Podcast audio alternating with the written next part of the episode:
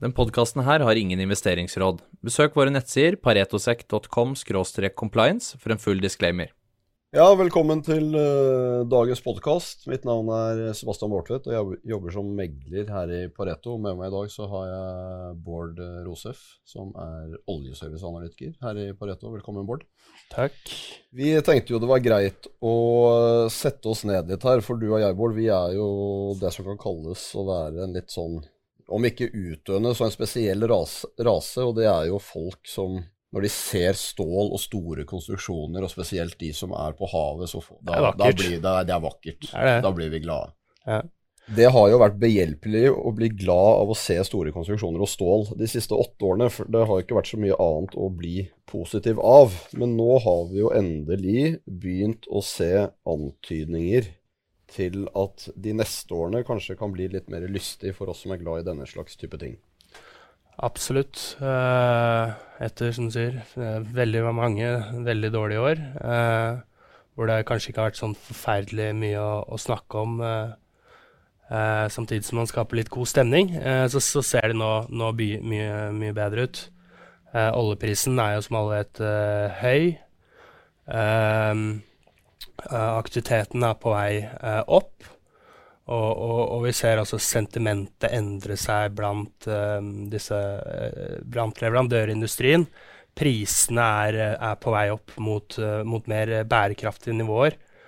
Um, og Sånn vi ser det, så, så, er vi på vei inn i en, en oppsykkel som kommer til å, å vare noen år.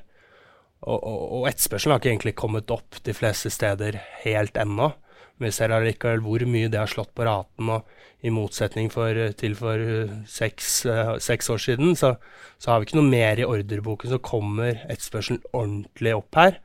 Eh, så, så, har man ikke så mye å svare med på tilbudssiden, og, og, og da kan det bli ordentlig moro. Vi ser konturene av det flere steder på store konstruksjonsskip, bl.a., hvor det er er manko på utstyr, og, og, og, og, markedsmakten helt klart har skiftet i favør leverandørindustrien. Uh, som ikke er så ofte skjer, uh, har skjedd egentlig opp gjennom, uh, opp gjennom, historien. Og dette bringer oss jo egentlig litt inn på temaet med kall det inflasjon og supply chain issues og alt det man leser om i avisen i dag. Uh, og det er klart at hvis du eier stål, så er jo ikke inflasjon så veldig dumt. Nei, uh, og det oljeservice uh, og, oljebransjen også er vant til, er store, uh, store endringer i, i, i input-kostnadene. Så man klarer å håndtere store endringer i, i f.eks. stålpris. Og så er det jo en av de viktigste driverne bak den inflasjonen man ser nå, er høye energipriser. Eh, så du, du, får det jo absolutt inn på inntektssiden, da.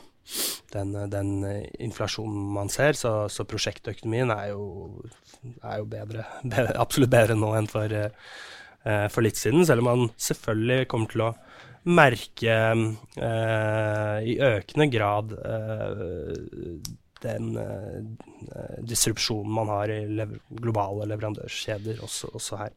Så måten jeg tenkte vi kunne Måten jeg tenkte vi kunne strukturere podkasten litt nå, var å bare dra igjennom. Det er sikkert nytt for en del av eh, lytterne hva Én ting er de forskjellige subsektorene. Det er seismikk, det er rigg, det er supply, det er flotell, det er FPSO.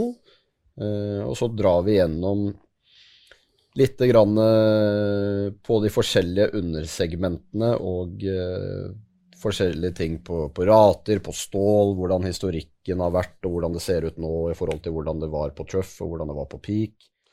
Ja, Vi kan jo, kan jo begynne med kanskje en litt sånn generell overblikk av markedet og hva vi egentlig, egentlig, snakker om når vi sier oil service og de ulike segmentene. Man snakker jo da eh, Den store etterspørselsdriveren her er eh, nyinvesteringer, eh, CapEx, fra, fra oljeselskapene. Det er det som driver total CapEx. er inntektspotensialet for, eh, for hele, hele oljeserviceindustrien. For de fleste av de selskapene uh, vi ser på, eller alle, så er det CapEx-en brukt på, på offshore eh, som, som, som, er viktig. Og så har man mange ulike elementer eh, innenfor eh, oljeinvesteringer. Man, eh, det første man gjør eh, for, å finne et oljefelt, er kanskje å, å skyte seismikk. Um, så det er sånn veldig tidlig, tidlig fase. Um, og ren exploration. Uh, og så, når man har funnet et bra sted, bra sted, så borer man kanskje noen brønner. Det koster enormt mye mer enn å skyte seismikken, men du må bore brønner for å finne ut om det virkelig, virkelig er bra ressurser der. Uh, så finner du uh, forhåpentligvis ressurser.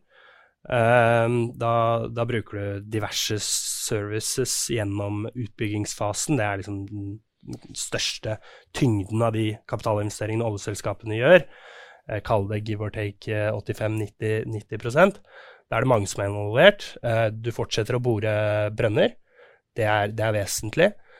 Så skal noen kanskje levere undervannsutstyr. Typisk Aker Solutions. Subsea 7 kommer inn og skal installere alt dette sammen. Uh, eh, BVO skal kanskje lease en FSO eller operere en oljeselskapet skal, skal, skal eie selv, altså en, en, en produksjonsplattform. og kanskje, siden du ikke vil bygge for stor produksjonsplattform for å, å senke mengden stål du bruker, så akkurat den perioden du trenger mest folk, så ønsker du kanskje å ha et flotell ved siden av, f.eks. Eh, I den, i den uh, utbyggingsfasen. Gjennom, hotell er, det er basically et flytende hotell for de som Det er flytende hotell. For, for de av lyt, lytterne ja. som uh, ikke er helt inne i, inn i den bransjen. Ja. Og gjennom hele perioden så må du ha eh, Noen må komme, komme, ut med utstyret, noen må ankre deg opp, og, og da trenger du supply-båter til det, og det trenger du også gjennom hele produksjonsfasen, hvor du kanskje også trenger å bore noen ekstra brønner. Kanskje du finner et uh, felt i nærheten som du connecter, trenger litt subsea-arbeid der. Uh, men hovedtyngden ligger i, i den uh, initielle utviklingen, spesielt fra oljeselskapets perspektiv.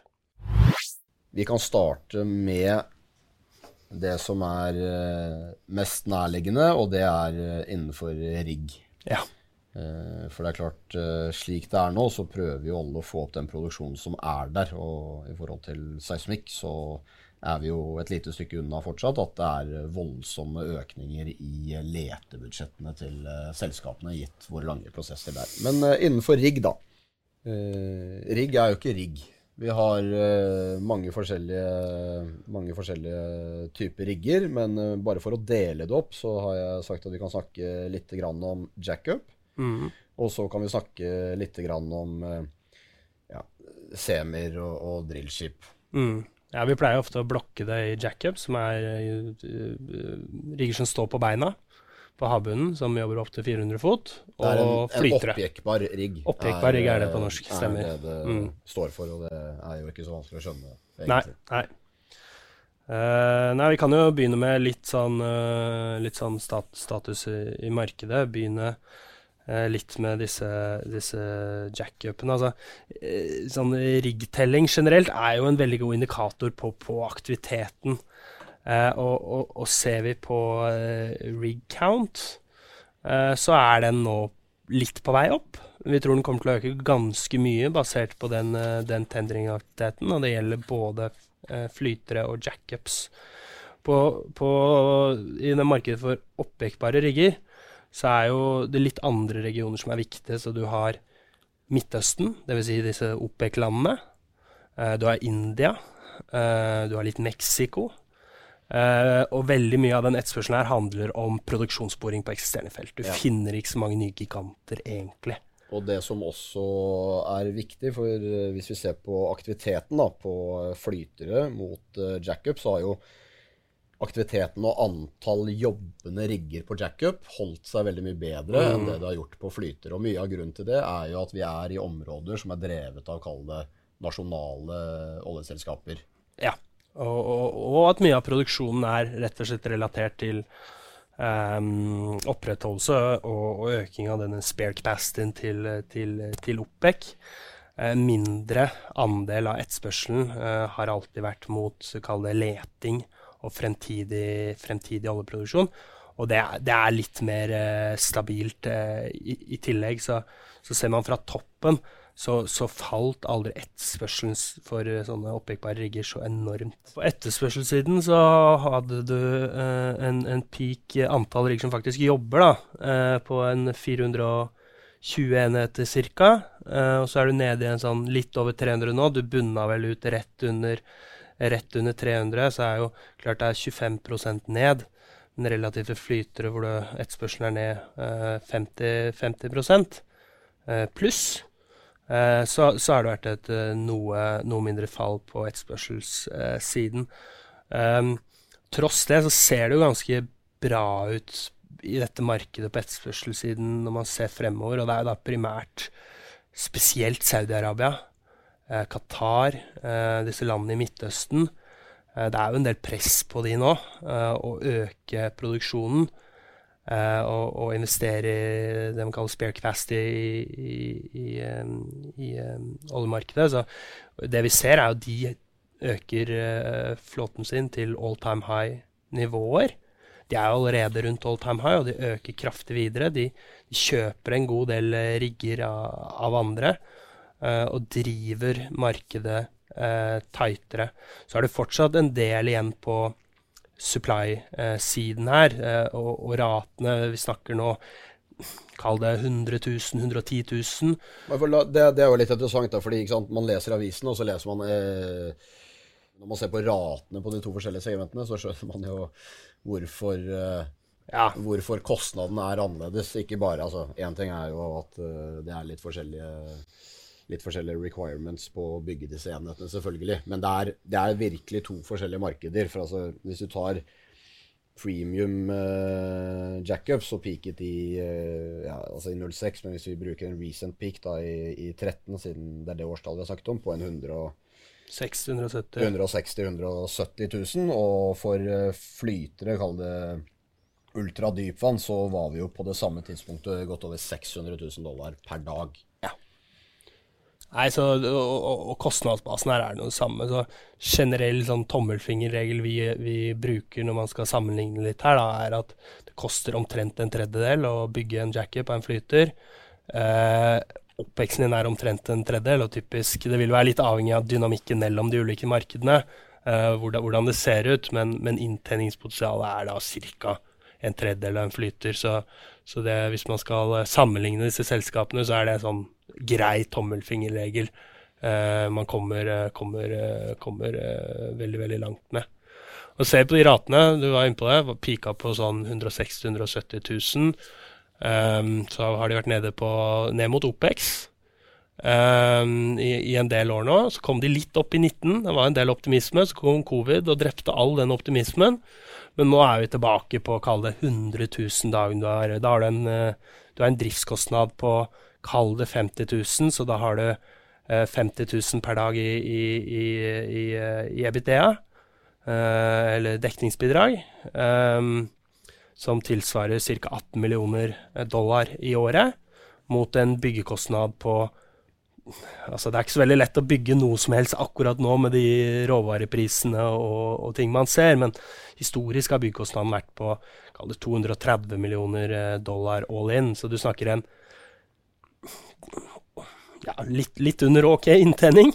Eh, og, og, og, og, ettersom det markedet er tighter, så, så, er det klart du har mye operasjonell giring på, å øke inntekten. Øker raten fra 100 000 til 150 000. Da øker EBITDA-en din fra 50 til 100, og da snakker vi 36 millioner i året. Og da er vi litt eh, tilbake sant, mot, mot, de nivåene man var på en stund tilbake, selv om kostnaden å bore per brønn ikke har økt like mye som, som raten her. Det er, det er, mye operasjonell giring i selskapene som, som, selvfølgelig Det er moro når det går opp, og så er det vondt når det går ned. Um, og, og, den operasjonelle giringen er enda litt større på flytere. da. Uh, Jackups er jo relativt lett å, å, å, å putte i opplag. Ja. Du kan få de ut av opplag. Det koster jo ganske mye penger. Men um, det koster ikke så mye penger. Det er veldig hvis du har et avansert boreskift til 650 millioner og skal putte kaldt opplag, uh, og det skal ikke ruste, uh, og utstyret skal pleies og holde seg, da har du en god del, uh, god del kostnader for å holde det ved like. I tillegg skal du reaktivere det, så koster det veldig veldig mye. Så, så, så der har man sett de største, største fallet på etterspørselssiden, men også de største supply-justeringene innenfor de to segmentene.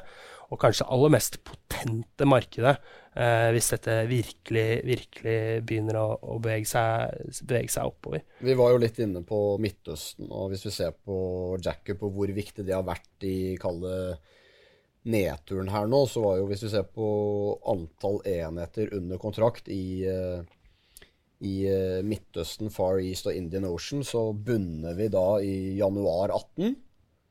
Og så har vi jo gått fra 170 rigger opp til 210. Mm. Hvis vi ser på de andre regionene i verden, da snakker vi Europa, Mexico, Vest-Afrika, mm. så er vi jo nesten på stedet hvil fra mm. det bundet til januar 18. Til. Ja. Hvis man drar ut de regionene her, så ser jo bildet mye likere ut det det også gjør på, på, på flyttere. Så de er, de er, en viktig del av markedet, og det kommer de til å, å fortsette å være. Uh, vi kan jo se litt på, på prising av disse, disse, aksjene også, kanskje. Det er jo en del forskjellige aksjer å, å velge mellom. Du har uh, Noble, som uh, holder på med en sammenslåing med Mersk. så den handler i USA, med Noble-aksjen. du har Valaris, som også er ganske lik. I Norge har du Seadrill, som har primært flytereksponering. Du har Transocean, som har bare flytereksponering og, og harsh environment, altså rigger som kan gå til Norge spesielt, hvor du har litt særegne krav. Uh, på, på jackup-siden så har vi Borr Drilling uh, og Shelf Drilling. Ser på prisingen av disse aksjene her, uh, som reflekterer jo selvfølgelig at inntjening ikke, ikke, er all verden helt ennå, så er de priset på omtrent disse amerikanske riggselskapene som er restrukturert, har veldig sterke balanser. På sånn 0,35% av byggekost. Ja. Og dette er jo en, dette er en byggekost da har du brukt 2011 til 2014 som, ja. som, som referansepriser i dag. Ville. Alt annet like så er jo den byggekosten ganske mye opp i dag. Ja. Med pris på stål og innsatsfaktorer i, eh, i, en del av disse Du har jo rett og slett også bygd, bygd ned verftsnæringen eh, for, for, for, dette her. Og det er jo klart verftene er ikke så keen kanskje på å gjøre en investering for å serieprodusere drillskip. Du må tro på ganske mange hvis du skal få kostnadene ned på de nivåene. Men jeg syns allikevel det er et ålreit referansepunkt, fordi det viser noe om inntjening og fair multipler i den perioden, eh, perioden vi var i. Det, det, er jo kanskje det som gjør Grunnen til at vi tror at vi er i starten av en lengre sykkel, er jo bl.a. dette. altså Da det virkelig gikk nedover i 2014, så satt jo verftene med ekstremt mye risk ja. som uh, viste seg å bli dyrt, i den form at de hadde inngått uh, kontrakter hvor motparten basically gikk stakka. over ende, eller ja. stakk av, eller kom seg ut av det. Mm. Uh, det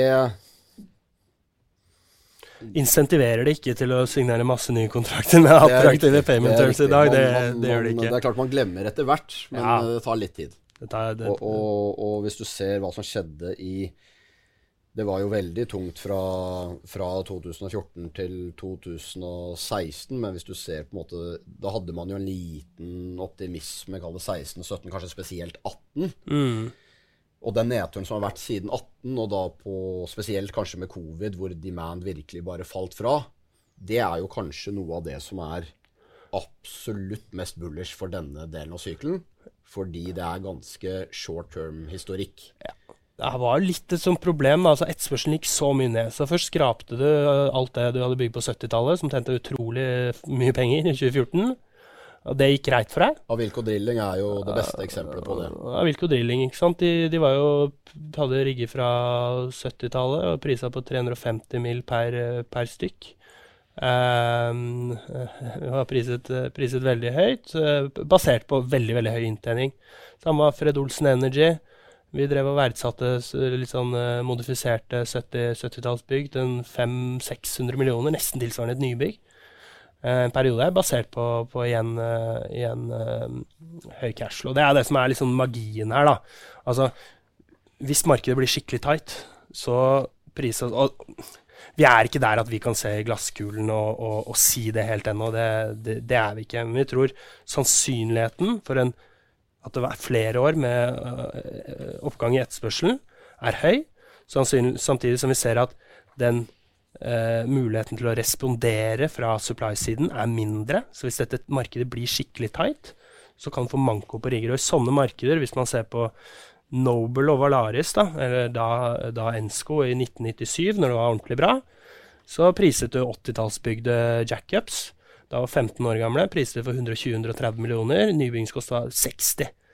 Uh, og i den fantastiske 2005 til 2028-oppsykeren, eh, så var jo alt priset uh, på, på ekstreme nivåer, spesielt ting på vannet. Det, det, er jo litt Akkurat det vi er inne på nå, er jo litt interessant. For det er klart Det var jo ikke sånn at det ikke ble bygget ting i 2013. Men det tar, ting, det tar tid å bygge. Ja. Så derfor eh, Eller i 2010, 2008, 2009. Men det er jo litt av den samme varianten vi har nå, for de som på en måte sier at nei, men dette går over, dette varer et halvt år til, og så er vi ferdig. Men skal du ha en rigg i dag mm. For det første så er jo, hvis du tar flåten på flytere, så har jo den eh, gått fra 300 til i 2010 opp til 384 på peak, og nå er vi på 218. Men det er bare 112 av de riggene som faktisk jobber. Ja. Dette er jo inkludert uh, de som ligger uh, klare på verftet, da. Ja. Uh. Og det er klart, hvis du trenger en rigg i dag, så, og, så er det ikke bare å ta en rigg som har ligget kald La oss snakke om det. Ja. Kald og varm rigg. Ja. Hva er forskjellen, bare for å starte der, da? Nei, det, en, en kald rigg er en rigg som ligger i opplag. Det er stål. Eh, det er stål. Du må putte penger i den for å, å reaktivere den. Eh, og det er jo veldig greit ofte i mange segmenter, men her er det store bevegende deler, så det, koster, koster, mye å få, få, en rigg tilbake i arbeid. Og det koster jo spesielt mye Akkurat som det koster mye å pusse opp akkurat nå, så koster det fryktelig mye å gjøre det akkurat nå, og det er litt, nesten litt vanskelig um, å, få gjort det. Så det er en, en kald rigg trenger å puttes kapital i for å være klar, og det tar litt tid. En varm rigg er en rigg som kan gå cruise opp og, og, starte arbeidet. Koster mer penger for riksselskapet å holde en rigg varm, uh, men da er den jo selvfølgelig mer attraktiv, uh, tilgjengelig i markedet. Det som er den store på en måte benefiten av covid for denne industrien, var at da tok folk skikkelig grep. Man skrapet, man ville skrape ting som var ikke fryktelig gammelt for å få dette markedet i balanse. Man restrukturerte balansene og skikkelig. selskapene konsoliderte. Og selskapene har konsolidert. Og mye av det vi ser nå, er jo etterspørselen er så vidt begynt å røre på seg. Det er fortsatt masse eh, kapasitet der ute, men dagratene går mye, mye på forventning, så det er jo en ganske tynn oppgang. Men også psykologien har endret seg litt her, da. Det var en periode der hvor man kanskje ville La oss si du sto der i 2015, da, og så tenkte du at ja, 2018 blir bra, så nå binder jeg opp eh, riggen min på Opex bedre enn å ha den kald i, frem til 2018. Og skal jeg tjene penger på den da? Nå er, nå er det litt endret. Man, man, man trenger å se litt, litt, mer fair avkastning her enn nå for å, være, for å være villig til å drive med det her, egentlig. Som er veldig, veldig fornuftig.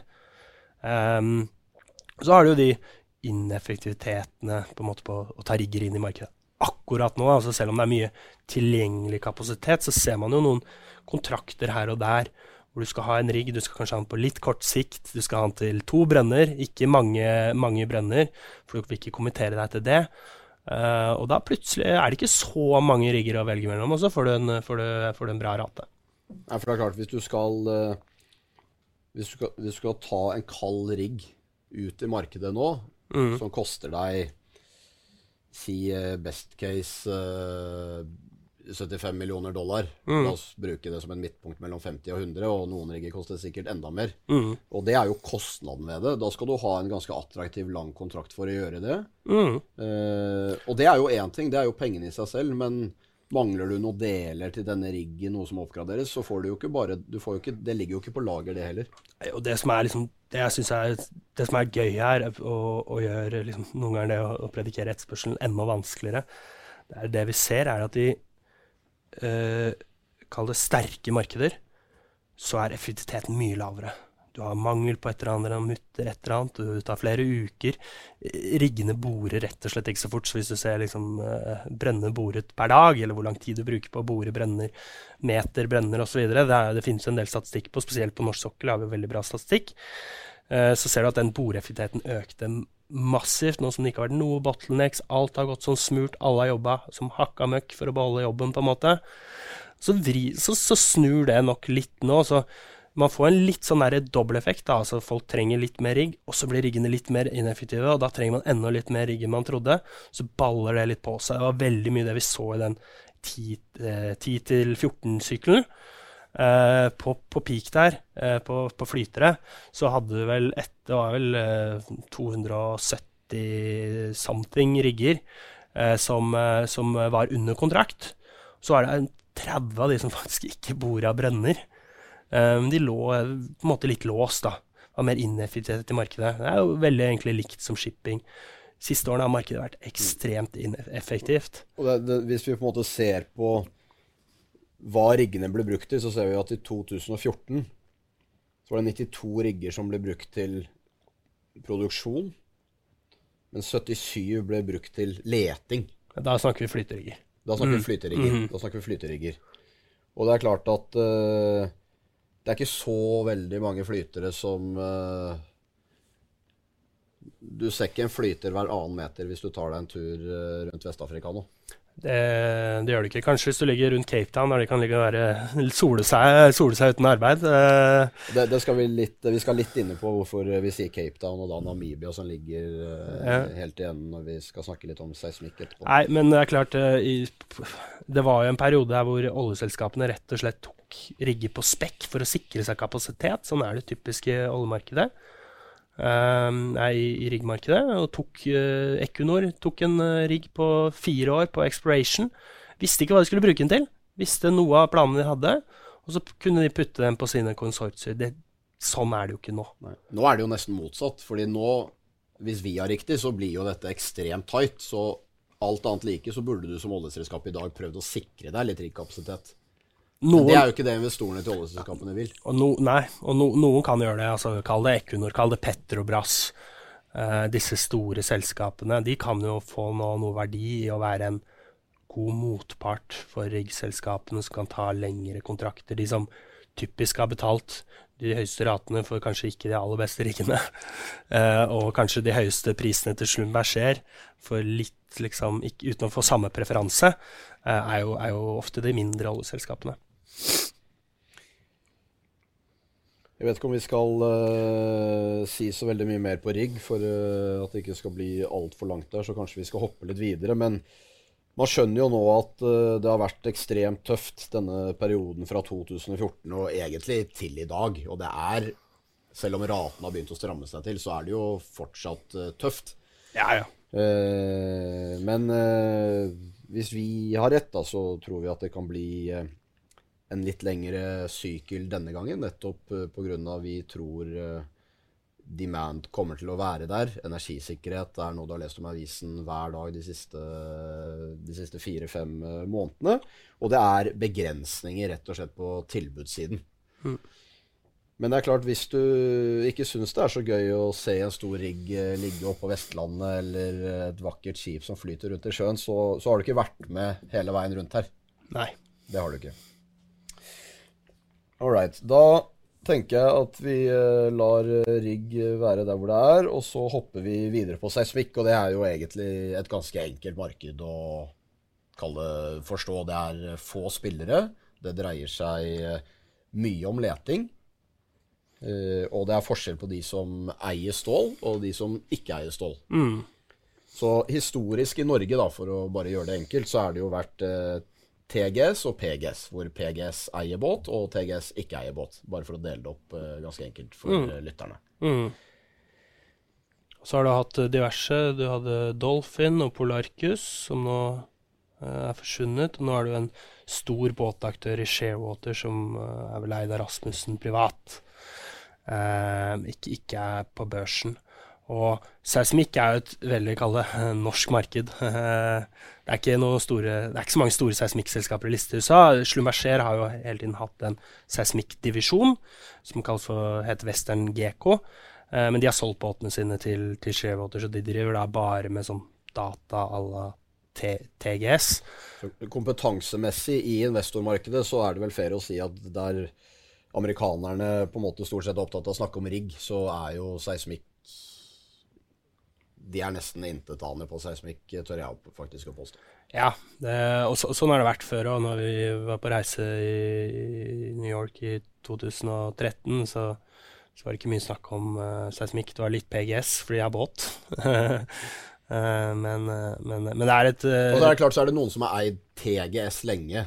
Fordi at gjennom alle sykler så har jo de hatt hatt, hatt Eh, avkastning på kapitalen som er nesten uslåelig i, i oljeservicebransjen.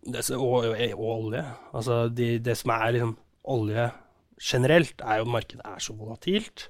Det går opp, det går ned. Det er for spesielt interesserte. Det er for spesielt interesserte. Økonomien i oljeprosjekter er fantastisk, men du må investere til riktig tidspunkt. Så hvis du ser på avkastningen til oljeselskaper over tid, relativt den risikoen de har tatt, så er den ikke fantastisk. Hvis du ser på hele gruppen, noen har gjort det kjempebra. I Norge har vi ikke BP som et eksempel, uh, og Lundin.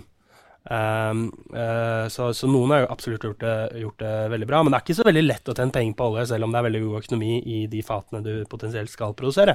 For du må investere til riktig tid. TGS har, uh, hvis du mapper ROKE eller ROE, altså avkastning på investert kapital, um, så er de helt, helt i høyenden over Exxon Mobil, hvis du ser på liksom alle over de siste 15 årene. Det de har klart, er å reinvestere kapital eh, i nedsykler, og da har de jo fått også tak i billig seismikkbåt. Så de har kunnet investere litt lavere summer, så det er positiv free cash flow hvert eneste år utenom i 2020, covid-året. Uh, gjennom egentlig, egentlig, alle sykler, og, og klart å benefitte også i det, svake markeder. Da. TGS eide jo båter, men da skal vi mange mange ja, år tilbake, ja. og det ble ikke en veldig vellykket affære. Og etter det så har de jo uh, kjørt videre med en uh, Asset Light-modell, og det har jo aldri vært manko på båt. Men akkurat nå er det jo litt tightere i båtsegmentet. Det er, det er en god del som har skjedd der. Ja, akkurat som i rigg, og kanskje i enda større grad. Det markedet hvor man har sett aller størst demand-nedgang, er seismikk. Og det markedet der båtene blir fort Altså vi, vi, vi, vi, fortsetter litt på det. Hvorfor og grunnen til at seismikk blir hittet først og hardest, er fordi at det er en kostnad som er eh, ganske liten av det totale pakken for oljeselskapene. Men samtidig er det ekstremt enkelt å kutte. For Hvis du har en rigg som står og produserer olje, mm. så kan du ikke bare kutte det på sekundet, og da forsvinner jo også inntektskilden. Ja, og Når det kommer til seismikk, så kan du nesten bare kutte det på sekundet. Hvis du tjener litt lite penger, da, som oljeselskapene også har gjort noen år eh, 2020 var ikke akkurat et gullår. Eh, eh, så, så, er det klart, det seismikk, selv om det er små investeringer, så er det investeringer i produksjon langt frem i tid. Uh, så det er veldig lang, lenge til cashflow. Uh, så i den grad man er opptatt av det, så, så, så ønsker man jo ikke å investere uh, i seismikk. Det er jo viktig for vekst, det er viktig for å ha en god produksjonsbase, det er viktig for energisikkerhet, som har kommet veldig nå. Um, så, så det, det, er jo også derfor man håper, kall det Nå har man jo fortsatt til gode å se at veksten i i uh, oljeproduksjonen i USA øker betraktelig, til tross for at uh, antall rigger i arbeid etc. stiger ganske jevnt. For det er jo de fatene i verden som har kortest kallet tid til markedet. fordi du har jo snakket med folk nå som lurer på ja, men hva skjer i Nordsjøen? Kommer det mer gass? Kommer det mer olje? Og Vi var jo litt inne på det i sted med gassproduksjonen i Norge, som er på all time high. I sommer blir det ikke vedlikehold på diverse norske felter, så vi kan sende mest mulig gass ned til Europa. Så du, det virker jo ikke som folk helt forstår hvor lange disse løpene er. Altså, Norsk gassproduksjon kommer ikke til å øke nå de neste fire årene. Den er der hvor den, den, er der hvor den er. I hvert fall hvis du skal følge ressursanslaget til, eh, til NPD. Og grunnen til det er jo fordi dette er 10-15 års type Du må ha litt lange briller på, da. Du må ha litt lange, lange briller på. Eh, det er ofte god eh, prosjektøkonomi, men du må ha de lange brillene på. Uh, og i usikre tider så er det kanskje ikke det, det du, du, ønsker. Og, og ja, som du sier, det som har vært historisk, er at seismikk har vært uh, first in, first out. Fulgt mye mer oljeprisen, vært mer sensitiv til oljeprisen, mens kapitalen investert, den har gått litt seinere. Nå har det vært kutta mye. Uh, og så har du hatt det at exploration har vært litt out of favor. Uh, sånn at totalmarkedet har vært mindre de siste årene. Det som er veldig spesielt, er, hvis du har 2021, er en kontraksjon i markedet for multiklient-seismikk, og da spesielt TGS hadde, hadde lave salg, selv om IMP-spenning er opp. Og det, det har aldri egentlig skjedd før. Det som er interessant i seismikkmarkedet, er siden du har hatt såpass stor du, altså du har hatt den største flåtejusteringen. Og I seismikk så har du en båt, og den båten skal ha noen sånne lange streamere på baksiden med litt komplisert utstyr på, eller du kan legge noder eller litt forskjellig. Uh, og båten er jo litt som en rigg. Den varer i 30 år, eller kan holde på i 50 år. Uh, litt avhengig av hvordan du treffer, treffer syklene. Uh, mens dette utstyret det kan baseres mye fortere. Det er litt likere jeg kaller det shale. Så flåtereduksjonen har vært større. Du har sett masse konsolidering. Du har nå Sharewater og PGS som kontrollerer det meste, meste av flåten. Som, som, gjør at du kan ha mye, mye mer prisingsdisiplin.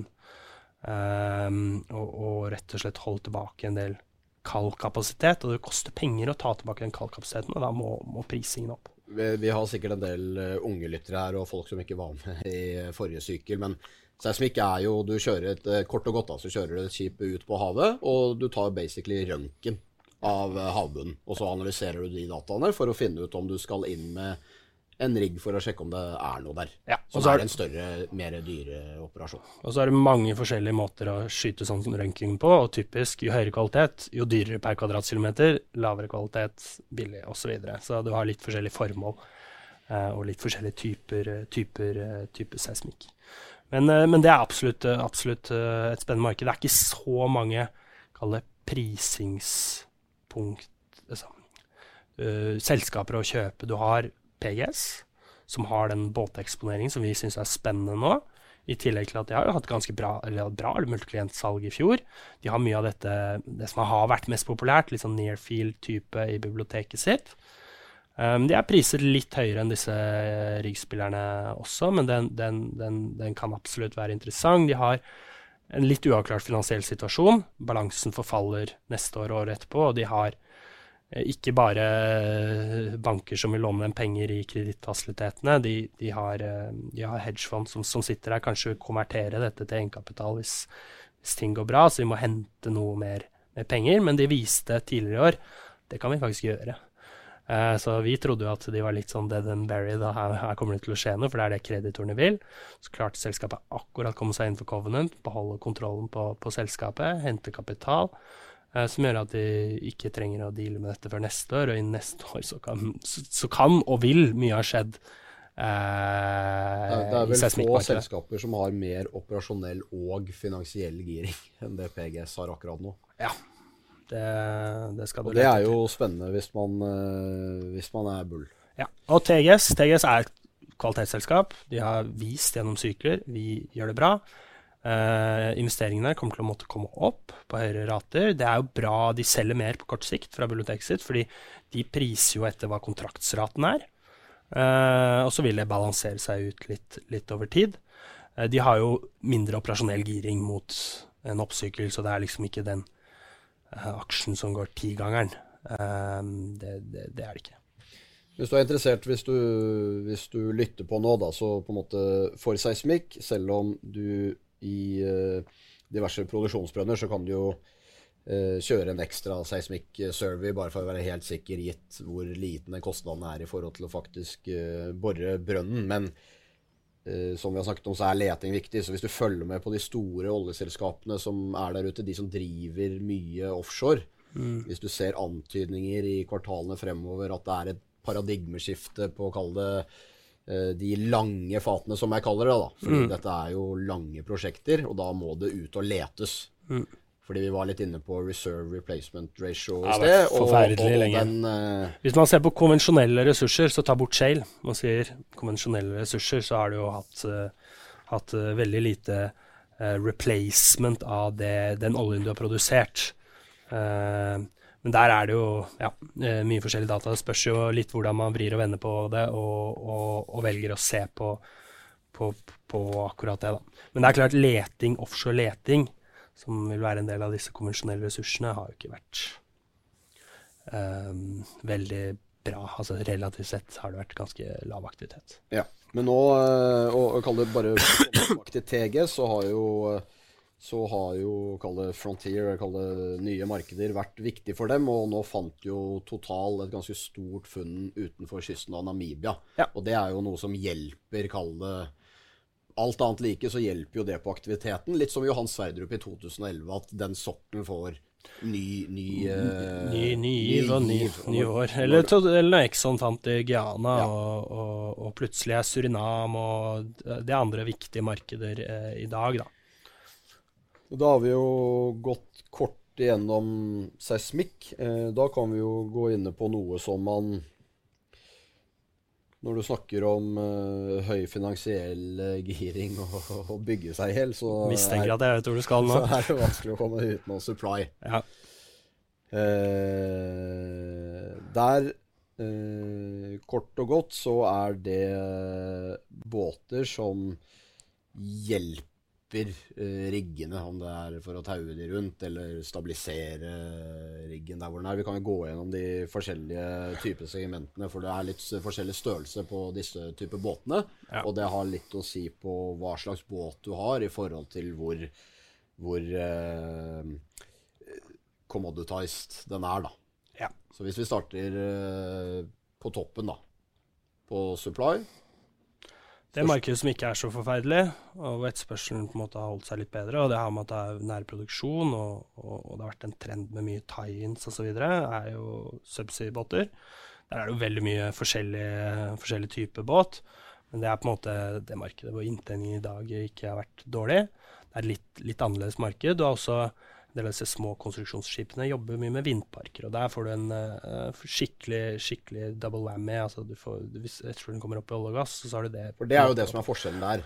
At du, du trenger også supply når du skal frakte vindmøller, du skal sette de opp. Så trenger du support fra det segmentet som vi da kaller supply. da. Ja, alt, alt offshore så, så trenger du noen båter som frakter folk og, og utstyr frem og tilbake.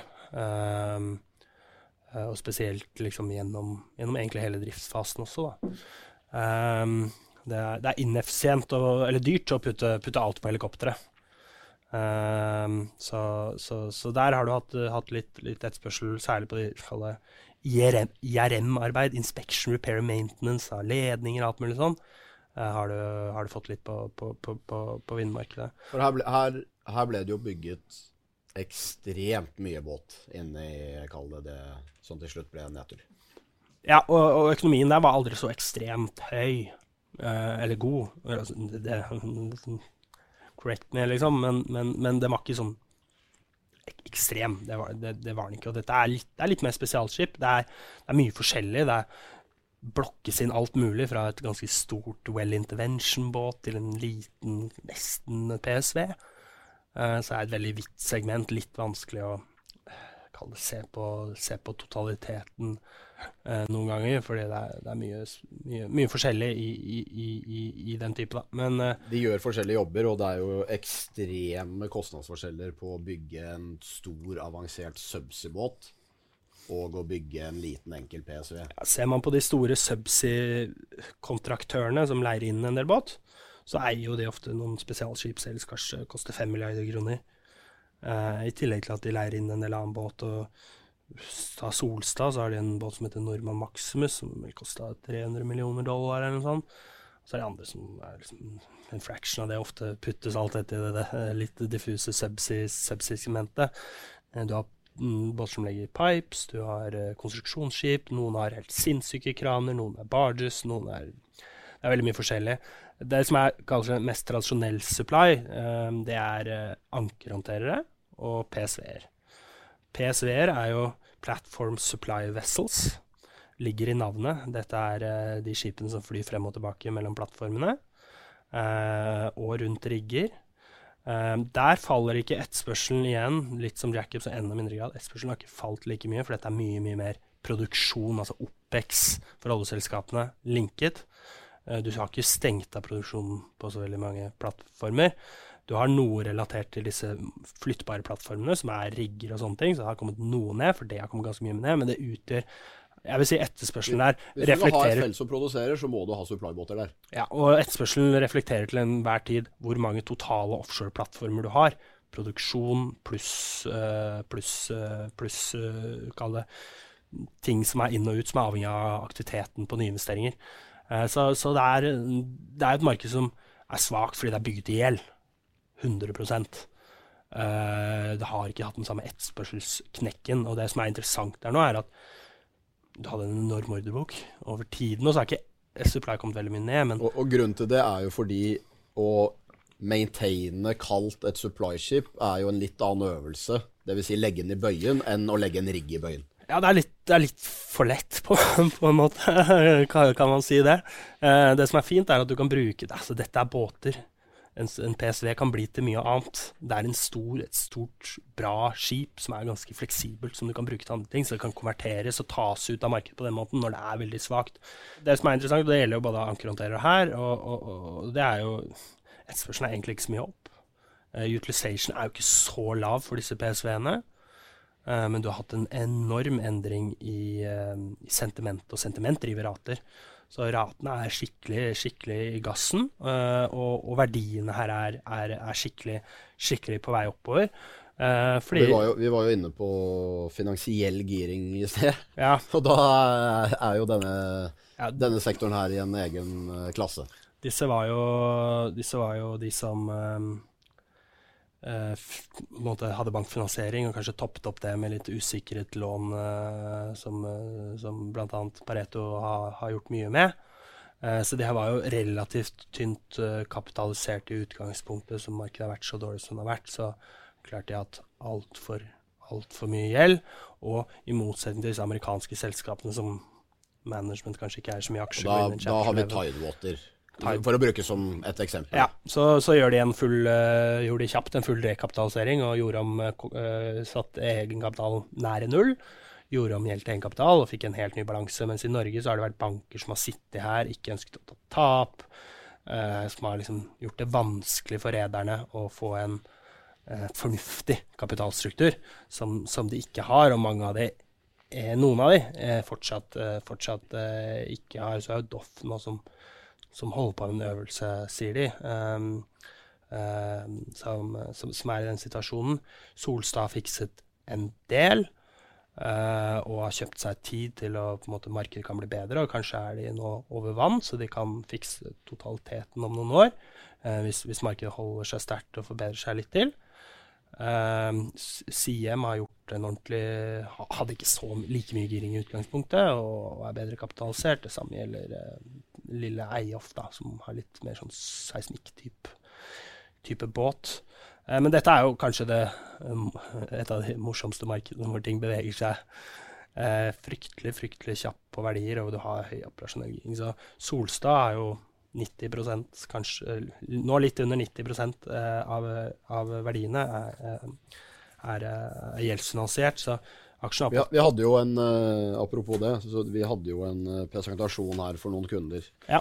for noen uker siden, og da hadde jo en, et stolpediagram, eh, slides på det, Ja. hvor du ser på egenkapital prosentvis økningen på aksjekursene i de forskjellige selskapene. Mm, Eh, og det er klart, når du ser på Solstad, de, de som har absolutt mest gjeld, mm, så har jo den vært ganske formidabel. Men eh, når du blar over på neste plansje, mm, og denne presentasjonen kan jo lytterne finne for de som er kunder av Pareto, så finner du jo den på, eh, på researchportalen vår. ja.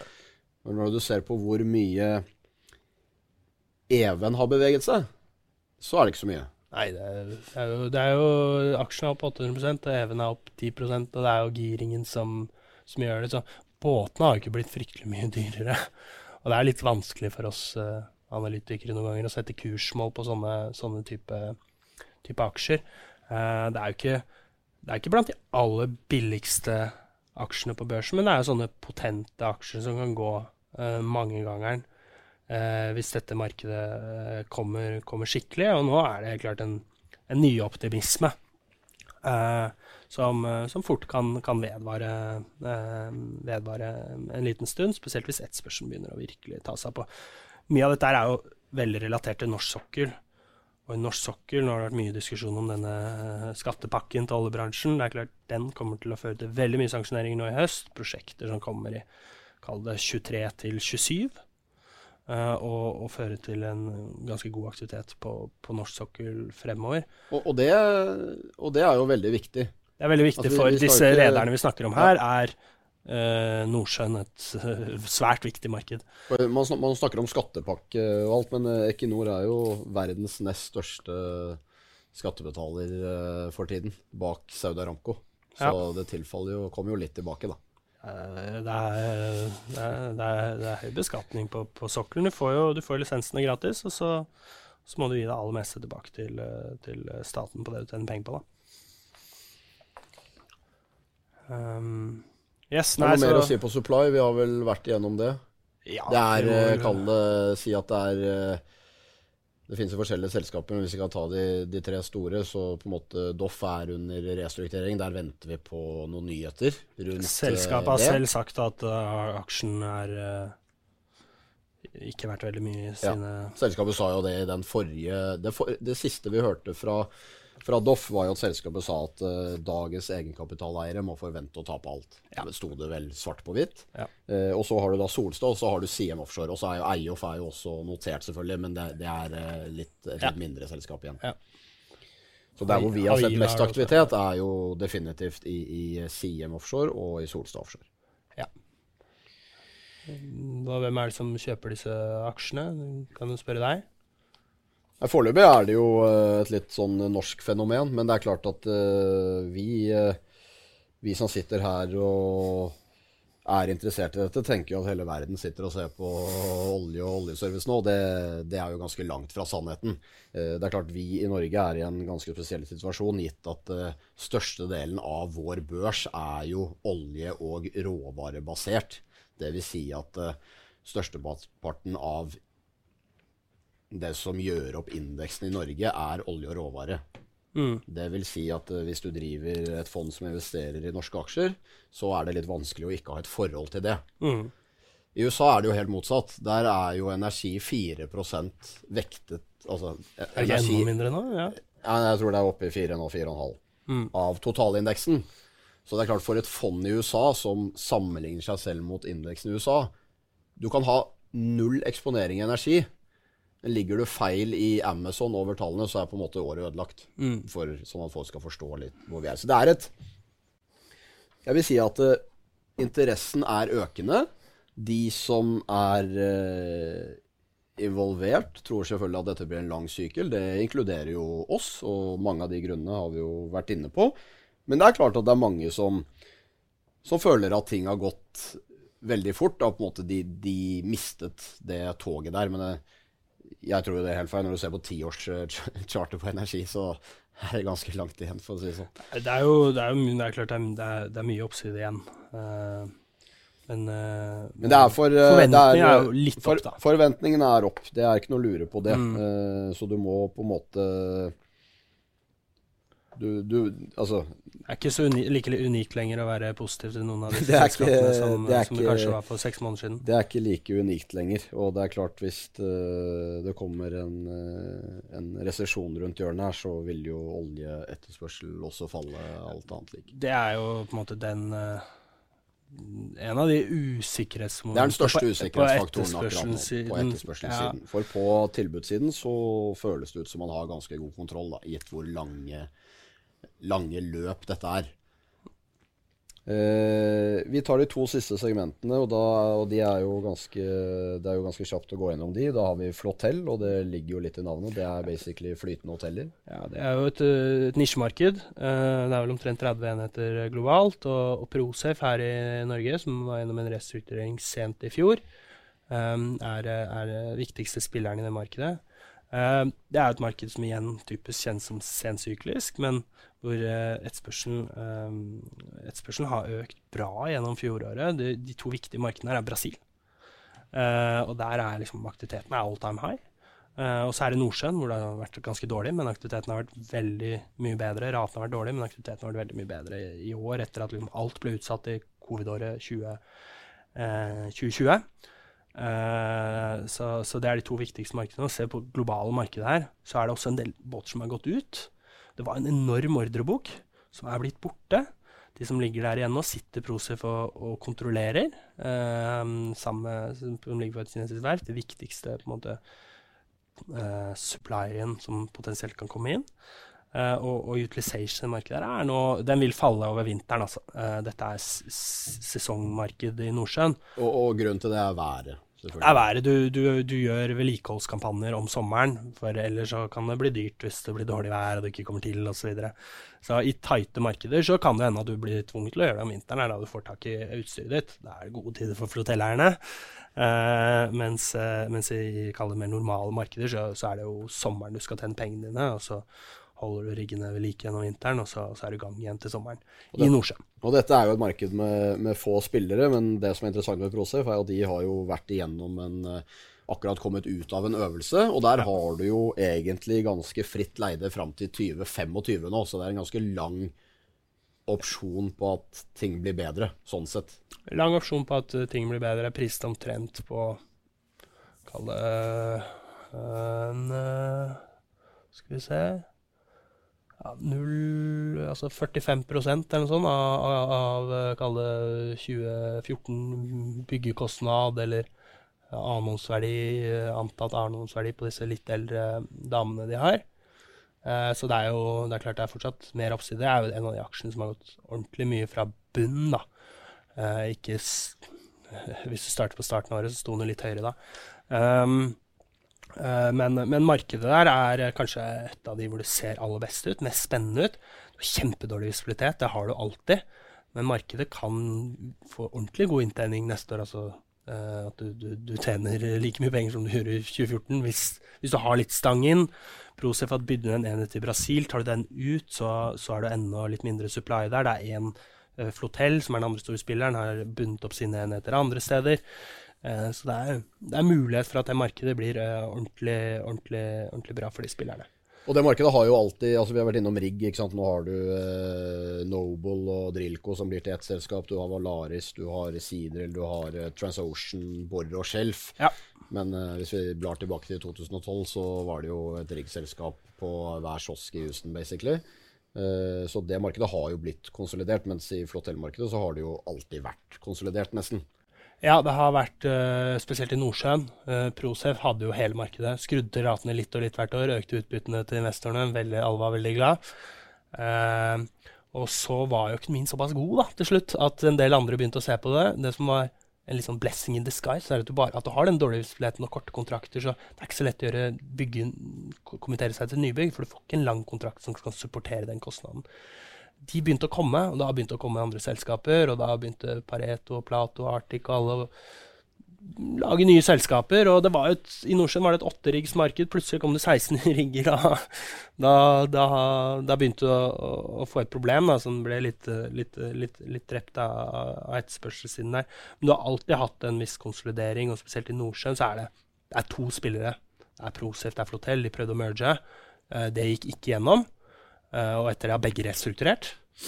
Uh, men, men, det er ganske sånn tightly hell. Det er en liten nisje. Det er også en samseismikk. det er en ganske liten kapitalkostnad. Det er ikke det du planlegger for. Du er, opp, du er selvfølgelig opptatt av hva flotellet ditt koster også, men, men, det dreper ikke prosjektøkonomien. Uh, og, og, de aller beste kontraktene man ser i flotellmarkedet, også i dårlige markeder, så er det plutselig noen gode kontrakter. Det er når du ikke har planlagt. Og flotellene er litt sånn emergency uh, rescue. Eh, du, du, um, du, hadde selvfølgelig ikke planlagt med flotell. Plutselig trenger du litt ekstra beds fordi det blir litt mer arbeid enn du trodde. Og bare sånn, Det er jo, det er jo sengeplasser på plattformene. Det er sengeplasser på plattformene. Hvis du skal bygge liksom, plattform til å håndtere alle sengeplassene du trenger gjennom utbyggingsfasen eller gjennom en tie-in eller sånne ting, så må, da må du bygge den altfor dyrt. det er mer effektivt, siden du bare skal ha de sengeplassene i seks måneder, eller to måneder, at du da isteden charterer inn et flotell istedenfor å bygge opp uh, tusenvis av ekstra tonn stål for at du skal uh, ha en sterkere plattform som alle kan bo på, uh, og som stort sett står tom. Eh, bare for å ta altså her, Prosafe er jo listet på Oslo Børs. Der har jo bankene fått aksjer, og de fleste av de aksjene er solgt, solgt ute mm. i markedet. Så har du det andre store selskapet som heter Flotell. Ja, Der har du en uh, bånd man kan handle, uh, som, uh, som, vi liker godt. Har jo gått mye, da. Men, men, hvor du får disse båtene til sjarmerende priser, mildt sagt. Veldig, veldig god, god dekning der, mener vi. og det er ikke sånn typisk kreditor du liker, da, med så dårlig visibilitet. Det er kanskje det som, det som gir, gir muligheten der. Eh, ellers er jo de privat. Ja. Og så har du Jack Tell, da, som handler på faktisk unotert-listen i Norge, som er én enhet. Så ja. det er jo et, et, litt annet spill, men den er også mulig. Og det også har jo vært en restrukturering på den enheten, som nå har rent opp i aksjer som handler på unotert-listen i Norge. Så, for, så, det er også mulig å kjøpe seg eksponering gjennom det. Da har vi eh, et undersegment igjen, da, og det er det vi kaller for FPSO. og Jeg nevnte jo BVO her, eh, her, i starten, som er det norske navnet som forbindes med det. Og det FPSO er jo i prinsippet en flytende produksjonsenhet. Ja. Det er en eh, produksjonsinnretning. Eh, det er som en tradisjonell plattform på Johan Sverdrup, men nå har det vært mye dypere vann, og da kan du kanskje bruke et skip. Det er ganske effektivt og, og billig. og så er det noen spillere globalt. Du har BV, BV Offshore her i Norge. Du har SBM Offshore i Nederland, og så har du Modec i, i, i, i uh, Japan, som, som leaser disse ut, bygger de, og leaser ut oljefeltene på lange produksjonskontrakter. Uh, I tillegg til å uh, ta kanskje et skip, rebygge og ta, kunne ta en kortere kontrakt. Uh, veldig mange av FPSO-ene i verden eies ikke av noen av disse. det eies av oljeselskapet selv, eller de som feltpartnerne. For her, her, sier det seg nesten litt selv, mens uh, hvor man på seismikk på en måte har en uh, båt som flyr rundt og tar røntgen av havbunnen, som man kan kutte ganske enkelt, så er det klart at hvis oljeprisen er 100, og du har en flytende produksjonsenhet som går ned for telling, så blir det ganske dyrt. Veldig dyrt. Og det er jo uh, kanskje litt av grunnen til at når vi ser på avkastningen i BVO-aksjen fra 2009 til 2013, så var jo den faktisk ned 25 ja, det er litt sånn selskapsspesifikke ting som gjør det, men det er klart sånn um, Regnemessig fra vårt ståsted så, så, vet vi jo litt mer hva de tjener på, på, disse kontraktene. Tjener i gode markeder, tjener i dårlige markeder. Uh, og så vil jo uh, verdien av disse båtene ved kontraktslutt uh, variere avhengig av hvilket marked de kommer ut i. Så er oljeprisen høy, så vil du kanskje få en ekstra femårs extension istedenfor at du stenger ned oljefeltet når du trodde du skulle gjøre det. Uh, så ser du ok, vi har funnet litt ekstra ressurser, du får en extension der, og, og du får litt merverdi. For, for dette er jo enhet, altså Som du sier, du har uh, bedre visibilitet, dvs. Si at det bør jo være mindre volatilt. Ja. For å flytte en flytende produksjonsenhet fra et felt til annet, det skjer nesten aldri. Nei, to, Tidlig 2000 kom det jo mange selskaper man bygde ut FPS-ord på spekk og sånn. Uh, lagde liksom generiske FPS-ord som man skulle Ideen var at vi kan flytte litt rundt fra oljefelt til oljefelt. Ok, da vil du senke kapitalkosten. Uh, høres flott ut, men det som kommer opp av bakken, uh, er jo ikke uh, olje du putter på tanken din. Det kommer opp litt av hvert. Det kommer opp mye gris, det kommer opp mye gass, altså CO2. og så kommer det opp andre ting. Så det som skal på toppen, det må være tilpasset det som kommer. Altså prosesseringsutstyret som står på toppen av skipet, det må være tilpasset det som er på bakken. Og, og det er ikke så veldig lett Uh, det kan funke no noen mindre felt og sånn, men, men, generelt så må det være en stor grad av tilpasning til det feltet du skal produsere ved. Uh, så her er det snakk om lange kontrakter uh, på felt som, som, varer kanskje ut, ut levetiden til, til, det feltet. da. prisingen på BVO den har jo vært litt sånn out of favor en stund. De har jo en så litt sånn brokete historikk. På, hvis man tar denne roe-targeten som jeg skrøt av på TGS, så kan man ikke skryte like mye av BVO når de, altså Det er andre som har gjort det dårligere, men gitt den det, litt lave risikoen de har tatt, da, eh, risikoprofilen. Eh, så ting har gått litt skeis og, og, og, og, sånne ting, men, men, akkurat nå så er det en pris på omtrent 0,6 ganger da, DCF-en har eksisterende kontrakter på våre regnestykker. Historisk har den ligget på 0,8, eh, så den rabatten er relativt stor. De har ett prosjekt nå de holder på som heter Barossa. Uh, hvor et nybyggingsprosjekt de holder på med, som de signerte rett før stålpriser og alt som tok av. Eh, som selvfølgelig blir litt vanskelig å gjennomføre, som de holder på med nå, som kan slå ganske mye på verdien. Der er det mye implisitt giring i det prosjektet. Eh, mm, men klarer de det på en god måte, så skal ikke denne pris på 0,6 ganger bok. Men her er det et case som ikke handler om IMP-spending, ikke om alle de greiene der. Høy, høy, høy oljepris, superbra, for da kommer det flere prosjekter de kan gjøre og tjene penger på. Men, men, uh, men det handler mer om selskapsspesifikke ting, da. Uh, yes, da har vi vel vært igjennom alt. Vi har holdt på lenge, så vi burde vel runde her. Vi har holdt på altfor lenge. Vi har prøvd å Snakke om ting vi kan mye om, og ting vi ikke kan så mye om. Og synse litt, det er vi også ja. gode på. Men uh, vi har prøvd å ta lytterne gjennom en forenklet, kall det, oppstilling av de forskjellige segmentene, og litt hvor vi, uh, hvor vi tror vi er. Vi, det er klart ting har gått mye, og man kan bli litt høyderedd av det, men, men jeg tror man, som i alle andre bransjer skal se litt på tallene her. Det var mange som synes fisk hadde gått i 2012, husker jeg. Så kan man jo sjekke chart i SalMar etter 2012, og der også har jo supply vært en ekstremt viktig bidragsyter til eh, hvorfor det har gått som det har gått. Så, så tror man at man skal tilbake. Eh, det er noen tegn på at man liksom kan få en ordentlig recovery her. Eh, det er absolutt ikke sikkert, men får man det, så er det klart disse aksjene er superbillige fortsatt. Uh, og får man en endring De vil jo være litt sentimentsensitive nå, sånn som de har beveget seg siste året. Ja. I det veldig korte bildet, vil jeg anta.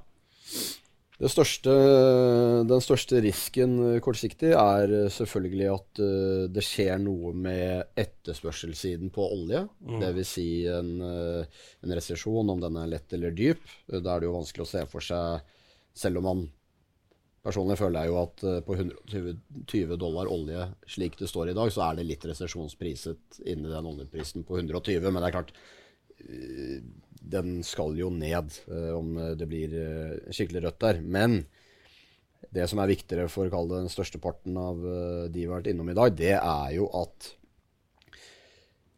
øh, oljeselskapene faktisk begynner å bruke penger igjen. Ja. Og, og, slik uh, ting er i verden akkurat nå, så er vi jo egentlig litt avhengige av det, da. Hvis uh, man skal skaffe seg energisikkerhet uh, over de Ab Absolutt. Det er, det er, liksom det, er, det er, det store bildet nå. Oljeselskapene tjener fryktelig mye penger.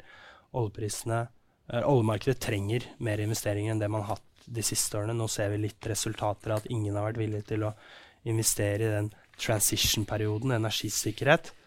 Eh, man har gått veldig rett mot målet. Da blir man ekstremt sårbar. Så, så oljeselskapenes budsjetter kommer jo opp over 20% i år offshore.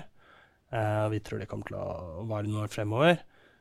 Det som er spennende, er hvis, hvis etterspørselen blir bra nok til at markedene faktisk blir veldig tighte, som i hvert fall en del segmenter ser ut som, så har du ikke veldig mye spare capacity å gå på. Du kommer heller ikke til å sette i gang med noe nytt med, med, med det aller, aller første. Uh, og, og, da kan det bli ordentlig moro. og Da, sånn, da kan markedet bli ordentlig sånn tight som det var i den 05-07-perioden. Det, uh, det, er på ingen måte sikkert, men det er en mulighet i hvert fall. Så det er det, ingenting som er uh, sikkert, men det er også derfor det heter Det er også derfor det er risiko forbundet med å investere i aksjer. Absolutt. Men noe må man tro på. Og vi er, som alle kan ha hørt etter denne podkasten, ganske fremoverlent på på energi og det som er uh, tilhørende innenfor den bransjen der. Så da tenker jeg at vi uh, lar lytterne gjøre seg opp en mening. Hvis dere har noen uh, flere spørsmål etter den podkasten her, så finner dere jo diverse analyser fra Bård og resten av oljeserviceteamet på, på researchplattformen vår, så da er det jo bare å gå inn der og se om dere blir noe klokere av det. Mm. Takk for oss. Takk for oss. Og så minner vi om at informasjonen i podkasten her ikke må ses på som investeringsråd. Eh, plasseringer i verdipapirer medfører til enhver tid risiko, og historisk avkastning er ingen garanti for framtidig avkastning.